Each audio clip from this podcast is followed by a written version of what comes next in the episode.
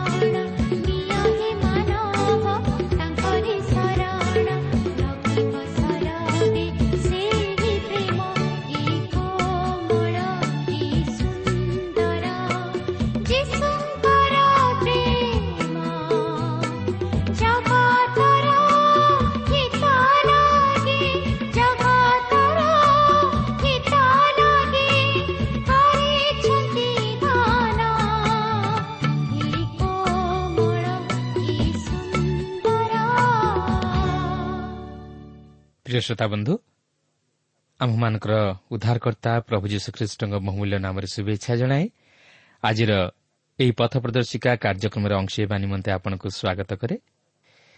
ଆପଣ ଆପଣଙ୍କର ବହୁମୂଲ୍ୟ ସମୟ ଦେଇଥିବାରୁ ଆମେ ମଧ୍ୟ ବିଶେଷ ଧନ୍ୟବାଦୀ। କେବଳ ସେତିକି ନୁହେଁ ଆପଣ ନିୟମିତ ଏହି କାର୍ଯ୍ୟକ୍ରମ ଶୁଣି ପତ୍ର ମାଧ୍ୟମରେ ଥରକୁ ଥର ଆମ ସହ ଯୋଗାଯୋଗ କରି ଆସୁଥିବାର ଜାଣି ଆମେ ମଧ୍ୟ ବିଶେଷ ଆନନ୍ଦିତ। ଆଉ ଏଥିସହିତ ପ୍ରଭୁ ଯୀଶୁଙ୍କ ବିଷୟରେ ଅଧିକ ଜାଣିବା ନିମନ୍ତେ ଆପଣଙ୍କର ଆଗ୍ରହକୁ ଦେଖି ମଧ୍ୟ ଆମେ ବିଶେଷ ଖୁସି। କିନ୍ତୁ ଆମର ଅନୁରୋଧ କେବଳ ପ୍ରଭୁ ଯୀଶୁଙ୍କ ବିଷୟରେ ଜାଣିଦେଲେ ଯଥେଷ୍ଟ ନୁହେଁ ମାତ୍ର ପ୍ରଭୁ ଯୀଶୁଙ୍କୁ ଜାଣିବା ହେଉଛି ସବୁଠାରୁ ଗୁରୁତ୍ୱପୂର୍ଣ୍ଣ ବିଷୟ। ଆଉ ପ୍ରଭୁ ତାହା ହିଁ ଆମମାନଙ୍କ ପ୍ରତ୍ୟେକଙ୍କ ଜୀବନରୁ ଆଶା କରନ୍ତି। ତେଣୁ ଆସନ୍ତୁ ପ୍ରଭୁଙ୍କର ବାକ୍ୟ ଶୁଣିବା ସଙ୍ଗେ ସଙ୍ଗେ ତାହାଙ୍କୁ ହୃଦୟରେ ଗ୍ରହଣ କରି ତାହାଙ୍କର ଗୌରବ ଓ ମହିମା ରକ୍ଷା କରୁ। ଆସନ୍ତୁ ପ୍ରଭୁଙ୍କର ବାକ୍ୟ ମଧ୍ୟକୁ ଯିବା ପୂର୍ବରୁ ପ୍ରାର୍ଥନାର ସହିତ ପ୍ରଭୁଙ୍କ ନିକଟରେ ନିଜ ନିଜର ଜୀବନକୁ ସମର୍ପଣ କରିବା। ଆସନ୍ତୁ ପ୍ରାର୍ଥନା କରିବା।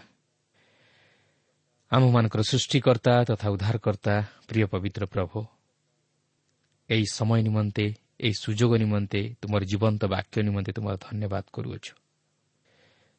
ହଁ ପ୍ରଭୁ ଆମେ ଜାଣୁ ଯେଉଁମାନେ ତୁମର ବାକ୍ୟରେ ବିଶ୍ୱାସ କରନ୍ତି ଯେଉଁମାନେ ତୁମଠାରେ ବିଶ୍ୱାସ କରନ୍ତି ସେମାନେ ପାପରୁ ଉଦ୍ଧାର ପାଇ ଅନନ୍ତ ଜୀବନର ଅଧିକାରୀ ହୁଅନ୍ତି। ତେଣୁ ପ୍ରଭୁ ତୁମେ ଆମମାନଙ୍କୁ ମଧ୍ୟ ସେହି ସରଳ ବିଶ୍ୱାସର ହୃଦୟ ଦିଅ।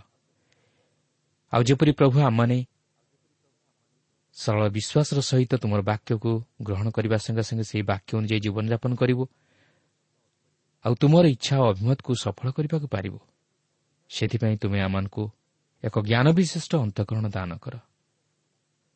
ଆଜିର ଏହି କାର୍ଯ୍ୟକ୍ରମ ମଧ୍ୟ ଦେଇ ତୁମେ ପ୍ରତ୍ୟେକ ଶ୍ରୋତାବନ୍ଧୁମାନଙ୍କୁ ଆଶୀର୍ବାଦ କର।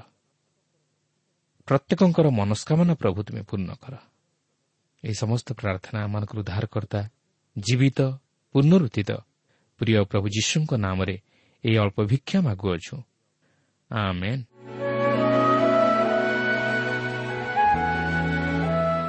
ଆସନ୍ତୁ ବର୍ତ୍ତମାନ ଆମେ ପ୍ରଭୁଙ୍କର ବାକ୍ୟ ମଧ୍ୟକୁ ଯିବା।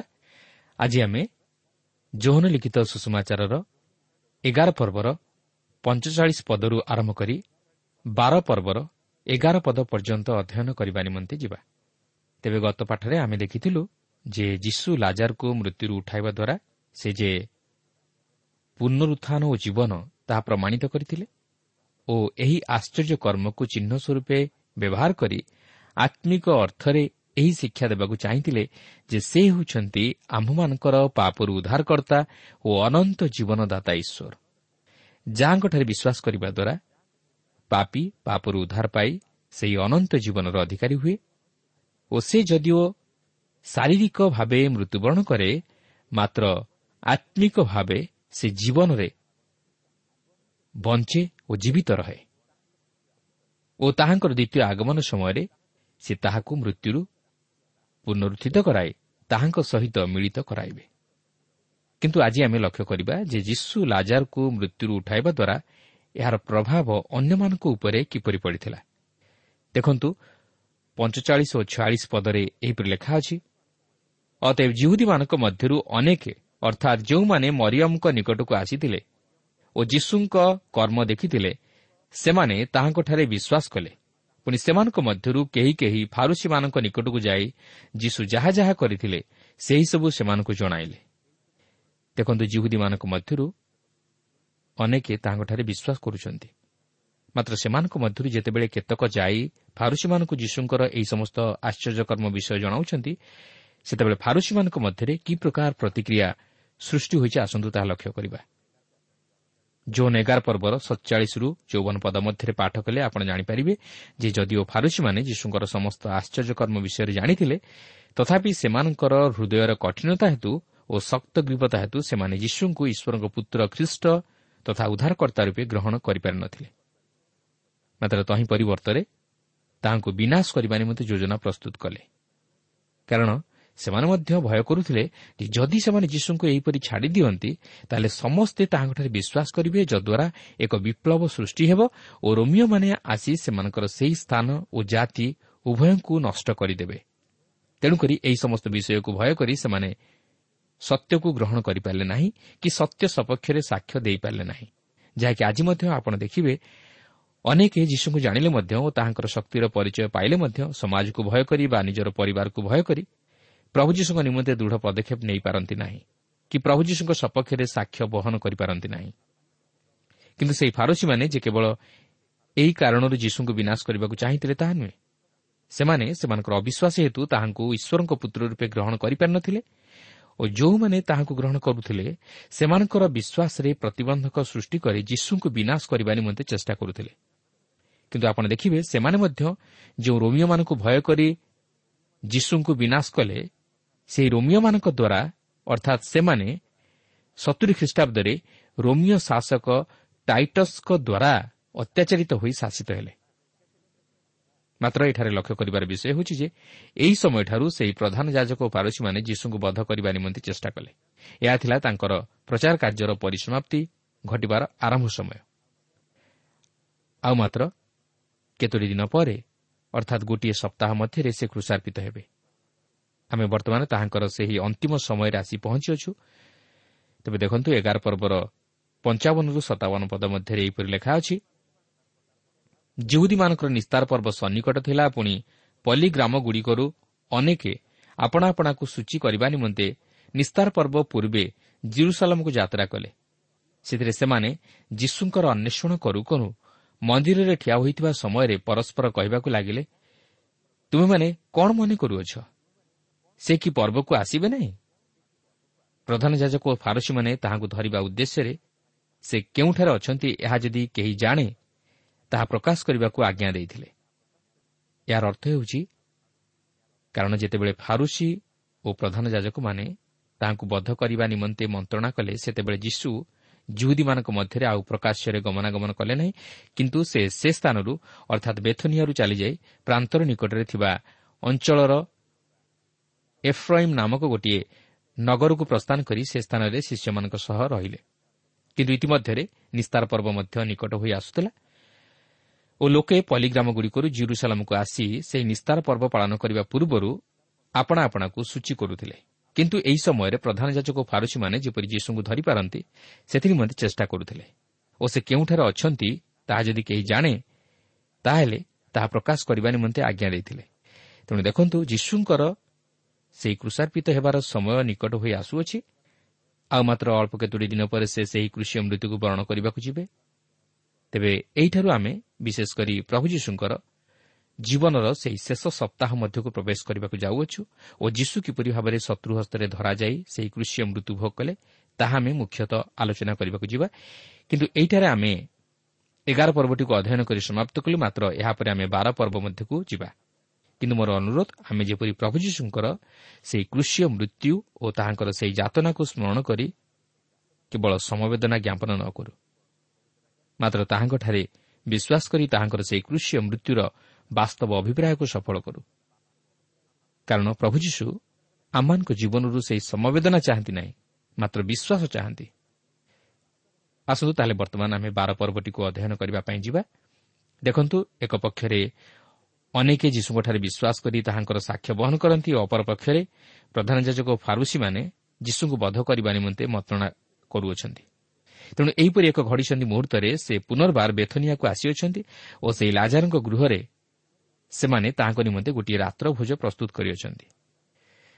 ଦେଖନ୍ତୁ ବାର ପର୍ବର ପ୍ରଥମ ତିନି ପଦରେ ଏହିପରି ଲେଖା ଅଛି ଇତିମଧ୍ୟରେ ଯୀଶୁ ନିସ୍ତାର ପର୍ବର ଛଅ ଦିନ ପୂର୍ବରୁ ବେଥନିଆକୁ ଆସିଲେ ଯେଉଁ ଲାଜାରଙ୍କୁ ସେ ମୃତମାନଙ୍କ ମଧ୍ୟରୁ ଉଠାଇଥିଲେ ସେ ସେହି ସ୍ଥାନରେ ଥିଲେ।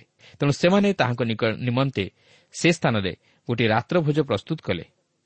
ମାର୍ଥା ପରିଚର୍ଯ୍ୟା କରୁଥିଲେ। ଆଉ ଯେଉଁମାନେ ତାହାଙ୍କ ସହିତ ଭୋଜନରେ ବସିଲେ ଲାଜାର ସେମାନଙ୍କ ମଧ୍ୟରୁ ଜଣେ ଥିଲେ। ସେତେବେଳେ ମରିୟମ୍ ଅଧସେର ଅତି ବହୁମୂଲ୍ୟ ବିଶୁଦ୍ଧ ଜଟାବାଂଶୀ ତୈଳ ଘେନି ଯୀଶୁଙ୍କ ପାଦରେ ତାହା ଲଗାଇ ଆପଣା କେଶରେ ତାହାଙ୍କ ପାଦ ପୋଛିଦେଲେ। ଆଉ ତୈଳର ସୁବାସରେ ଘରଟି ମହକିଗଲା।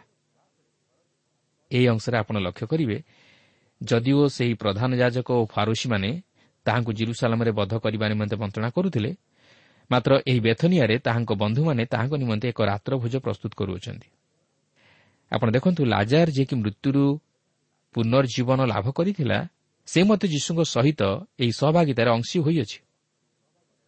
କାରଣ ଆପଣଙ୍କର ମନେଥିବ ଗତ ପାଠରେ ଆମେ ଜୋନ୍ ଏଗାର ପର୍ବର ପଚିଶରୁ ଛବିଶ ପଦରେ ଦେଖିଥିଲୁ ଯାହାକି ଯୀଶୁ କହିଥିଲେ ମୁଁ ପୁନରୁତ୍ଥାନ ଜୀବନ ଯେ ମୋଠାରେ ବିଶ୍ୱାସ କରେ ସେ ଯଦ୍ୟପି ମରେ ତଥାପି ସେ ବଞ୍ଚିବ।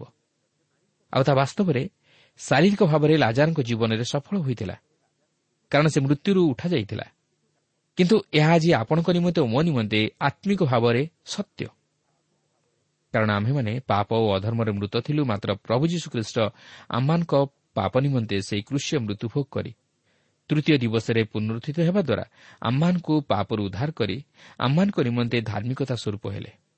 ଯେପରି ତାହାଙ୍କଠାରେ ବିଶ୍ୱାସ କରିବା ଦ୍ୱାରା ଆମେ ପାପରେ ବିନଷ୍ଟ ନ ହୋଇ ଜୀବନ ପ୍ରାପ୍ତ ହେଉ ଅର୍ଥାତ୍ ସେହି ଅନନ୍ତ ଜୀବନର ଅଧିକାରୀ ହେଉ। ତେଣୁ ଯେତେବେଳେ ଆମେ ପ୍ରଭୁ ଯୀଶୁଖ୍ରୀଷ୍ଟଙ୍କଠାରେ ବିଶ୍ୱାସ କରି ତାହାଙ୍କୁ ନିଜର ଉଦ୍ଧାରକର୍ତ୍ତା ରୂପେ ଗ୍ରହଣ କରୁ ସେତେବେଳେ ଆମେ ତାହାଙ୍କ ସହିତ ପାପରେ ମୃତ ହୋଇ ଧର୍ମରେ ଜୀବିତ ହେଉ। ଆଉ ତାହା ହିଁ ହେଉଛି ଆତ୍ମିକ। ଯେହେତୁ ଆମେ ତାହାଙ୍କଠାରେ ବିଶ୍ୱାସ କରିବା ଦ୍ୱାରା ଆତ୍ମାରେ ସଜୀବ ହେଉ। ତେଣୁକରି ସେ ଆମମାନଙ୍କ ପ୍ରତି ଲକ୍ଷ୍ୟ କରି କହନ୍ତି ପୁଣି ଯେ କେହି ବଞ୍ଚେ ଓ ମୋଠାରେ ବିଶ୍ୱାସ କରେ ସେ କଦାପି କେବେ ହିଁ ମରିବ ନାହିଁ। ଏହା ହିଁ ହେଉଛି ଅନନ୍ତ ଜୀବନ। କେବଳ ଯେ ଆମେ ଆମର ଶାରୀରିକ ମୃତ୍ୟୁ ପରେ ସେହି ଜୀବନରେ ପ୍ରବେଶ କରିବା ତାହା ନୁହେଁ ମାତ୍ର ଏହି ଜଗତରେ ବଞ୍ଚିଥାଉଁ ଥାଉଁ ସେହି ଆତ୍ମିକ ଜୀବନରେ ପ୍ରବେଶ କରିବା ଓ ସେହି ଅନନ୍ତ ଜୀବନର ଅଧିକାରୀ ହୋଇପାରିବା। ଅର୍ଥାତ୍ ଏହି ଜଗତରେ ବଞ୍ଚିଥାଉଁ ଥାଉଁ ସେହି ଅନନ୍ତ ସୁଖ ଓ ଶାନ୍ତି ତଥା ଆନନ୍ଦକୁ ଓ ସହଭାଗିତାକୁ ଉପଲବ୍ଧି କରିପାରିବା। ବାସ୍ତବରେ ଏଠାରେ ଆମେ କେତେ ସୁନ୍ଦର ଏକ ପ୍ରଭୁ ପ୍ରିୟ ପରିବାରର ଛବି ଦେଖୁଅଛୁ। ଲାଜାର ଯିଏକି ମୃତ୍ୟୁରୁ ପୁନର୍ଜୀବିତ ହୋଇଥିଲେ ସେ ପ୍ରଭୁ ଯୀଶୁଙ୍କ ସହିତ ସେହି ସହଭାଗିତାର ଅଂଶୀ ହୋଇପାରିଛନ୍ତି। ମରିୟମ୍ ଯିଏକି ଲାଜାରଙ୍କ ଭଉଣୀ ସେ ମଧ୍ୟ ପ୍ରଭୁ ଯୀଶୁଙ୍କ ଚରଣ ନିକଟରେ ବସି ତାହାଙ୍କ ଅନୁଗ୍ରହ ଓ ଜ୍ଞାନରେ ବୃଦ୍ଧି ପାଉଅଛନ୍ତି। ମାର୍ଥା ଯିଏକି ଲାଜାରଙ୍କର ଭଉଣୀ ଥିଲେ ସେ ମଧ୍ୟ ପ୍ରଭୁ ଯୀଶୁଙ୍କ ନିମନ୍ତେ ଭୋଜନ ପ୍ରସ୍ତୁତ କରି ତାଙ୍କର ସେବା କରୁଅଛନ୍ତି। ପ୍ରଭୁ ଯୀଶୁ ସେହି ତିନୋଟି ବିଷୟ ଆମମାନଙ୍କର ପ୍ରତ୍ୟେକଙ୍କ ଜୀବନରୁ ଆଶା କରନ୍ତି। ଆମମାନଙ୍କର ବ୍ୟକ୍ତିଗତ ଜୀବନରୁ ପାରିବାରିକ ଜୀବନରୁ ଓ ମାଣ୍ଡଳିକ ଜୀବନରୁ ମଧ୍ୟ ଆଶା କରନ୍ତି। ଆଉ ସେହି ତିନୋଟି ବିଷୟ ହେଉଛି ଖ୍ରୀଷ୍ଟଙ୍କୁ ଗ୍ରହଣ କରି ଏକ ନୂତନ ଜୀବନ ଯାପନ କରିବା। ଦ୍ୱିତୀୟରେ ତାହାଙ୍କର ପ୍ରଶଂସା ଓ ଆରାଧନା କରିବା ଓ ତୃତୀୟରେ ତାହାଙ୍କର ସେବା କରିବା। ଯଦି ପ୍ରଭୁଙ୍କ ସହିତ ସହଭାଗିତାର ଜୀବନରେ ଏହି ତିନୋଟି ବିଷୟକୁ ଆମେ ସାଧନ କରୁ ତାହେଲେ ଆମର ସହଭାଗିତା ଏକ ବାସ୍ତବ ସହଭାଗିତା ହୋଇପାରିବ ଓ ଆମେ ଖ୍ରୀଷ୍ଟଙ୍କୁ ଗୌରବ ଦେଇପାରିବା। ଆଜି ଯଦି ଆମେ ପ୍ରଭୁ ଯୀଶୁଙ୍କ ସହିତ ସହଭାଗିତା ସ୍ଥାପନ କରିବାକୁ ଚାହୁଁ ତାହେଲେ ଆମେ ତାହାଙ୍କଠାରେ ରହି ଏକ ନୂତନ ଜୀବନ ଯାପନ କରିବାକୁ ହେବ ଓ ତାହାଙ୍କର ସେବା ପୂଜା ଓ ଆରାଧନା କରିବାକୁ ହେବ। କ'ଣ? ଆଜି ଏହି ତିନୋଟି ବିଷୟ ଆମମାନଙ୍କ ଜୀବନରେ ସାଧିତ ହୋଇପାରିଛି କି? ଯଦି ନାହିଁ ତାହେଲେ ଆଜି ତାହା କରିବା ନିମନ୍ତେ ଆମମାନଙ୍କ ଜୀବନରେ ପଦକ୍ଷେପ ନେଉ। ଆମମାନଙ୍କର ବ୍ୟକ୍ତିଗତ ଜୀବନରେ ପାରିବାରିକ ଜୀବନରେ ଓ ଖ୍ରୀଷ୍ଟୀୟ ମଣ୍ଡଳୀ ମଧ୍ୟରେ ତାହା ସାଧନ କରିବା ନିମନ୍ତେ ପଦକ୍ଷେପ ନେଉ। ତାହେଲେ ଆମେ ପ୍ରଭୁ ଯୀଶୁଙ୍କ ସହିତ ସେହି ସହଭାଗିତାର ବାସ୍ତବ ଆନନ୍ଦକୁ ଉପଲବ୍ଧି କରିପାରିବା। କିନ୍ତୁ ଏଠାରେ ଆପଣ ଲକ୍ଷ୍ୟ କରିବେ ଯେ ମରିୟମ୍ ଯେତେବେଳେ ଯୀଶୁଙ୍କ ପାଦକୁ ସେହି ବହୁମୂଲ୍ୟ ସୁବାସିତ ତୈଳରେ ଅଭିଯୁକ୍ତ କରି ତାହାଙ୍କ ପାଦକୁ ତାହାର ସେହି କେଶରେ ପୋଛି ଦେଇଛି ସେତେବେଳେ ଯୀଶୁଙ୍କର ଦ୍ୱାଦଶ ଶିଷ୍ୟ ମଧ୍ୟରୁ ଇସ୍କାରିଓତ୍ ଜୁହୁଦା ତାହା ଦେଖି ଆଉ ସମ୍ଭାଳି ହୋଇ ରହିପାରି ନାହିଁ। ତାର ପ୍ରକୃତ ରୂପ ପ୍ରକାଶ ପାଇଯାଇଅଛି। ଯାହାକି ବାର ପର୍ବର ଚାରିପଦରୁ ଛଅ ପଦ ମଧ୍ୟରେ ପ୍ରକାଶ ପାଇଅଛି। କିନ୍ତୁ ତାହାଙ୍କ ଶିଷ୍ୟମାନଙ୍କ ମଧ୍ୟରୁ ଇସ୍କାରିୟଥ ଜିହୁଦା ନାମକ ଯେଉଁ ଶିଷ୍ୟ ତାହାଙ୍କୁ ଶତ୍ରୁ ହସ୍ତରେ ସମର୍ପଣ କରିବାକୁ ଯାଉଥିଲା ସେ କହିଲା ଏହି ତୈଳ ଦେଢ଼ଶହ ଟଙ୍କାରେ ବିକ୍ରୟ କରାଯାଇ କାହିଁକି ଦରିଦ୍ରମାନଙ୍କୁ ଦିଆ ନ କଲା ସେ ଯେ ଦରିଦ୍ରମାନଙ୍କ ନିମନ୍ତେ ଚିନ୍ତା କରୁଥିଲା ବୋଲି ଏହା କହିଲା ତାହା ନୁହେଁ କିନ୍ତୁ ସେ ଜଣେ ଚୋର। ଆଉ ତାହା ନିକଟରେ ଟଙ୍କା ଥଳି ଥିବାରୁ ସେଥିରେ ଯାହା ଯାହା ରଖାଯାଉଥିଲା ତାହା ସେ ଚୋରି କରି ନେଇଯାଉଥିଲା। ଏଠାରେ ଆପଣ ଦେଖିବାକୁ ପାରୁଛନ୍ତି ଇସ୍କାରିଓତ୍ ଜିହୁଦାର ପ୍ରକୃତ ରୂପ। ସେ ଜଣେ କୋଷାଧ୍ୟକ୍ଷ ପରି ଟଙ୍କା ପଇସାର ଦାୟିତ୍ୱରେ ଥିଲା। ମାତ୍ର ତାହାର କାମ ଥିଲା ଗରିବମାନଙ୍କ ଧନକୁ ଅପହରଣ କରିବା ଓ ଚୋରି କରିବା। ଆଉ ସେ ମଧ୍ୟ ଚାହୁଁଥିଲା ଯେପରି ମରିୟମଙ୍କର ଅର୍ଥକୁ ସେ ଆତ୍ମସାତ କରିବ। ସେ ଅନ୍ୟର ସେବା ନିମନ୍ତେ ଚିନ୍ତିତ ନଥିଲା। ମାତ୍ର ନିଜର ସେବା ନିମନ୍ତେ ଚିନ୍ତିତ ଥିଲା। ସେ ଅନ୍ୟର ସ୍ୱାର୍ଥ ନିମନ୍ତେ ଚିନ୍ତିତ ନଥିଲା। ମାତ୍ର ସେ ନିଜର ସ୍ୱାର୍ଥ ନିମନ୍ତେ ଚିନ୍ତିତ ଥିଲା। କେବଳ ସେତିକି ନୁହେଁ ସେ ମଧ୍ୟ ଯୀଶୁଙ୍କୁ ଶତ୍ରୁ ହସ୍ତରେ ସମର୍ପଣ କରିବାକୁ ଯାଉଥିଲା। କିନ୍ତୁ ଏଠାରେ ଆମେ ମରିୟମଙ୍କ ଜୀବନରେ ଲକ୍ଷ୍ୟ କରୁଅଛୁ ଯୀଶୁଙ୍କ ପ୍ରତି ତାଙ୍କର ବାସ୍ତବ ପ୍ରେମ। ସେ ସେହି ବହୁମୂଲ୍ୟ ସୁବାସିତ ତୈଳକୁ ଯାହାକୁ ସେ ନିଜର ଶରୀର ନିମନ୍ତେ ରଖିଥିଲା ତାହାକୁ ସେ ଯୀଶୁଙ୍କ ଚରଣରେ ଆଣି ଲଗାଇଦେଲା ଓ ତାହାର ବହୁମୂଲ୍ୟ କେଶରେ ତାହାଙ୍କ ପାଦ ପୋଛିଦେଲା। କାରଣ ସ୍ତ୍ରୀମାନଙ୍କ ନିମନ୍ତେ ସେମାନଙ୍କର କେଶ ଅତି ବହୁମୂଲ୍ୟ ତଥା ଗୌରବର ବିଷୟ। ତେଣୁ ଆପଣ ଦେଖନ୍ତୁ ସବୁଠାରୁ ଉତ୍କୃଷ୍ଟ ତଥା ପ୍ରିୟ ଓ ବହୁମୂଲ୍ୟ ବିଷୟ ଆଣି ସେ ଯୀଶୁଙ୍କ ଚରଣ ନିକଟରେ ସମର୍ପଣ କରୁଅଛି। ଏହାଦ୍ୱାରା ସେ ତାହାର ଆନ୍ତରିକ ପ୍ରେମ ଯୀଶୁଙ୍କ ପ୍ରତି ପ୍ରକାଶ କରୁଅଛି ପ୍ରିୟ ବନ୍ଧୁ ପ୍ରଭୁ ଚାହାନ୍ତି ଆମେ ଯେତେବେଳେ ତାହାଙ୍କର ନିକଟବର୍ତ୍ତୀ ହେଉ ଓ ତାହାଙ୍କର ଉପାସନା କରୁ ସେତେବେଳେ ଆମେ ଯେପରି ସବୁଠାରୁ ଉତ୍କୃଷ୍ଟ ବିଷୟ ଆଣି ତାହାଙ୍କ ନିକଟରେ ଉତ୍ସର୍ଗ କରୁ ସେ ଆଜି ଆମମାନଙ୍କ ନିକଟରୁ ସେହି ବହୁମୂଲ୍ୟ ବିଶୁଦ୍ଧ ଜଟାମାଂସୀ ତୈଳ ଚାହାନ୍ତି ନାହିଁ ମାତ୍ର ଚାହାନ୍ତି ଆମର ଭଗ୍ନଚୂର୍ଣ୍ଣ ହୃଦୟ ଯେଉଁ ଭଗ୍ନଚୂର୍ଣ୍ଣ ହୃଦୟ ନେଇ ଆମେ ତାହାଙ୍କ ନିକଟରେ ଉତ୍ସର୍ଗ କରିବା ଦ୍ୱାରା ଆମେ ତାହାଙ୍କୁ ବାସ୍ତବରେ ଖୁସି କରାଇପାରିବା କିନ୍ତୁ ଜିହୁଦା ପରି ଜଗତର ଧନକୁ ପ୍ରେମ କରି ପ୍ରଭୁଙ୍କ ମନରେ ଦୁଃଖ ନ ଦେଉ। କାରଣ ତାହାକୁ ଜଗତର ଧନ ପାଗଳ କରିଦେଇଥିଲା ଜଗତର ଧନ ତାହା ନିକଟରେ ବଡ଼ ଥିଲା। ମାତ୍ର ପ୍ରଭୁ ଯୀଶୁ ତାହା ନିମନ୍ତେ ବଡ଼ ନଥିଲେ। କେବଳ ସେତିକି ନୁହେଁ ସେ ପ୍ରଭୁଙ୍କର ଧନକୁ ମଧ୍ୟ ଅପବ୍ୟବହାର କରୁଥିଲା। ପ୍ରିୟ ବନ୍ଧୁ ଆଜି ଆପଣ ଯଦି ଏହିପରି କୋଷାଧ୍ୟକ୍ଷ ପଦରେ ଥାନ୍ତି ତାହେଲେ ନିଜକୁ ପ୍ରଶ୍ନ କରନ୍ତୁ ଯେ ମୁଁ କ'ଣ ବାସ୍ତବରେ ପ୍ରଭୁଙ୍କର ଅର୍ଥକୁ ଠିକ୍ ଭାବରେ ବ୍ୟବହାର କରିପାରୁଛି କି? ଆପଣ ଯଦି ପ୍ରଭୁଙ୍କ କ୍ଷେତ୍ରରେ ରହି ଏହି କୋଷାଧ୍ୟକ୍ଷ ପଦରେ ଅଛନ୍ତି ତାହେଲେ ନିଜକୁ ପ୍ରଶ୍ନ କରନ୍ତୁ ଯେ ପ୍ରକୃତରେ ଲୋକମାନେ ଯେଉଁ ଉଦ୍ଦେଶ୍ୟରେ ଅର୍ଥ ଦାନ କରନ୍ତି ସେହି ଉଦ୍ଦେଶ୍ୟରେ କ'ଣ ଏହି ଅର୍ଥକୁ ମୁଁ ବ୍ୟବହାର କରିପାରୁଛି କି? ନା ଏହାକୁ ମୋର ନିଜର ସ୍ୱାର୍ଥ ହାସଲ କରିବାରେ ବ୍ୟବହାର କରୁଅଛି। ଯଦି ଆପଣ ଜାଣୁଛନ୍ତି ଯେ ଆପଣ ସେହି ଅର୍ଥକୁ ଠିକ୍ ଭାବରେ ବ୍ୟବହାର କରିପାରୁନାହାନ୍ତି ବୋଲି ତାହେଲେ ସେଥିନିମନ୍ତେ କ୍ଷମା ମାଗି ସେହି ଅଧର୍ମରୁ ନିଜକୁ ଦୂରେଇ ରଖନ୍ତୁ। ତାହେଲେ ଆପଣ ନିଜର ଜୀବନକୁ ବିନାଶରୁ ରକ୍ଷା କରିପାରିବେ। ନଚେତ୍ ଏପରି ଏକ ସମୟ ଆସିବ ଆପଣ ଇସ୍କାରିୟତ୍ ଜିହୁଦା ପରି ମୃତ୍ୟୁବରଣ କରିବେ। ଆପଣ ଜାଣନ୍ତି ସେ କିପରି ମଲା?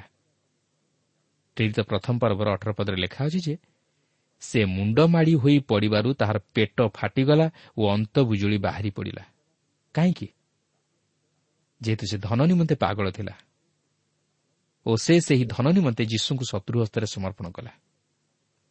ପ୍ରିୟ ବନ୍ଧୁ ଆପଣ ଯଦି ଧନକୁ ପ୍ରେମ କରନ୍ତି ତାହେଲେ ଯୀଶୁଙ୍କୁ ବାସ୍ତବରେ ପ୍ରେମ କରିପାରିବେ ନାହିଁ। ତେଣୁ ଧନ ପଛରେ ଦୌଡ଼ନ୍ତୁ ନାହିଁ। ମାତ୍ର ଯୀଶୁଙ୍କ ପଛରେ ଦୌଡ଼ନ୍ତୁ। ତାହେଲେ ଧନ ଆପଣଙ୍କ ପଛରେ ଦୌଡ଼ିବ। ଅର୍ଥାତ୍ ପ୍ରଭୁଙ୍କର ଆଶୀର୍ବାଦ ଆପଣଙ୍କର ପଛରେ ଗୋଡ଼ାଇବ। ତେବେ ଆସନ୍ତୁ ଦେଖିବା ଇସ୍କରିୟତ ଜିହୁଦାର ଏପରି କଥାରେ ଯୀଶୁ କି ଉତ୍ତର ଦେଉଛନ୍ତି? ବାର ପର୍ବର ସାତ ଓ ଆଠ ପଦରେ ଏହିପରି ଲେଖା ଅଛି ସେଥିରେ ଯୀଶୁ କହିଲେ ଏହାକୁ ଛାଡ଼ିଦିଅ ଯେପରି ମୋର ସମାଧି ଦିନ ନିମନ୍ତେ ସେ ଏହା ରଖିପାରେ। ଦରିଦ୍ରମାନେ ତ ସର୍ବଦା ତୁମାନଙ୍କ ନିକଟରେ ଅଛନ୍ତି। ମାତ୍ର ମୁଁ ସର୍ବଦା ତୁମାନଙ୍କ ନିକଟରେ ନଥିବି। ବାସ୍ତବରେ ମରିୟମ୍ ପ୍ରଭୁ ଯୀଶୁଙ୍କର ମୃତ୍ୟୁ ପୂର୍ବରୁ ତାହାଙ୍କର ଶରୀରକୁ ତୈଳରେ ଅଭିଷିକ୍ତ କରିଥିଲା। ଯୀଶୁ ଯାହା ଚାହୁଁଥିଲେ ତାହା ସେ ଯୀଶୁଙ୍କ ପ୍ରତି କରିଥିଲା। ସେଥିପାଇଁ ମାଥ୍ୟୁ ଏହି ବିଷୟ ନେଇ ଉଲ୍ଲେଖ କରନ୍ତି ଯାହାକି ଯୀଶୁ ନିଜେ ସେହି ସ୍ତ୍ରୀ ବିଷୟରେ ପ୍ରକାଶ କରନ୍ତି।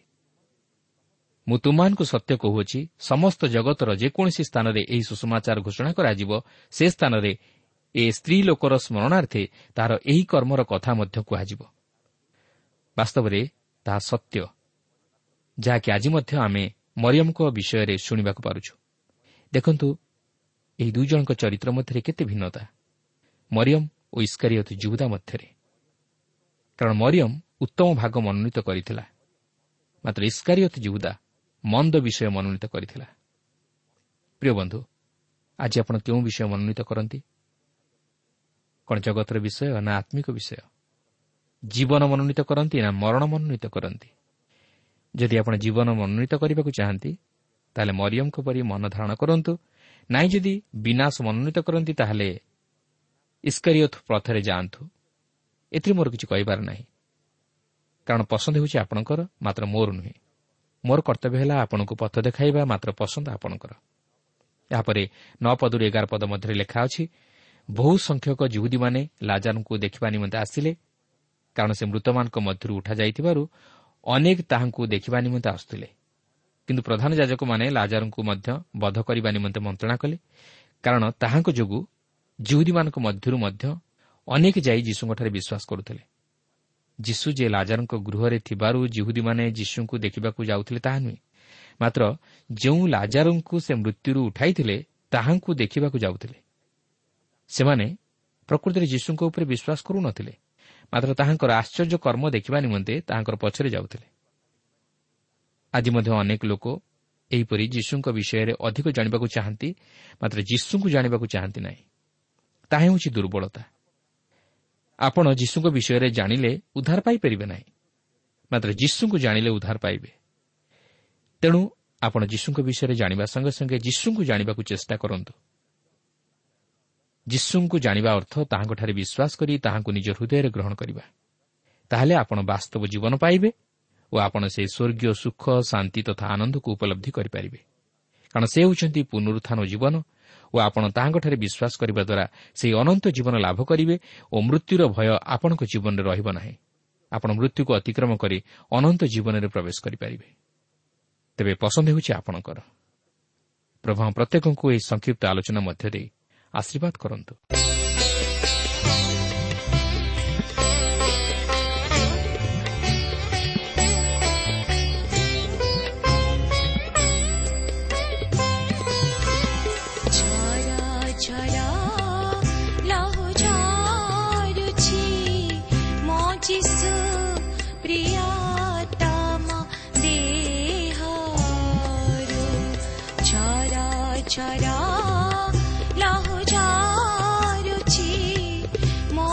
do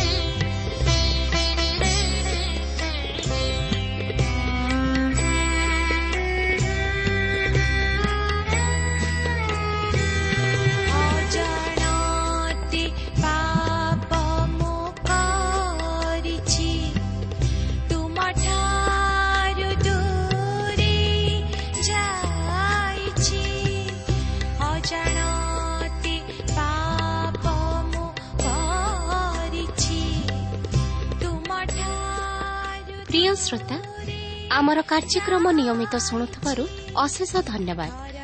ଆପଣ ଏହି କାର୍ଯ୍ୟକ୍ରମ ଶୁଣିବା ଦ୍ୱାରା ଆତ୍ମିକ ଜୀବନରେ ଉପକୃତ ହୋଇପାରିଥିବେ ବୋଲି ଆମର ବିଶ୍ୱାସ।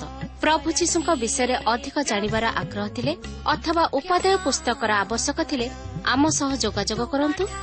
ଆମର ଠିକଣା ପଥ ପ୍ରଦର୍ଶିକା Trans World Radio India post box number ତିନି ତିନି ଭୁବନେଶ୍ୱର ସାତ ପାଞ୍ଚ ଏକ ଶୂନ ଶୂନ ଏକ। Mobile number nine seven double seven double two one four one five ଠିକଣାଟି ଆଉଥରେ ଶୁଣନ୍ତୁ। ପଥ ପ୍ରଦର୍ଶିକା Trans World Radio India post box number three three Bhubaneswar seven five one zero zero one mobile number nine seven double seven double two one four one five ଆମର email ଆଡ୍ରେସଟି ଲେଖି ରଖନ୍ତୁ Odia at radio eight eight two dot com. ତେବେ ଆଜି ପାଇଁ ବିଦାୟ ଦିଅନ୍ତୁ। ନମସ୍କାର।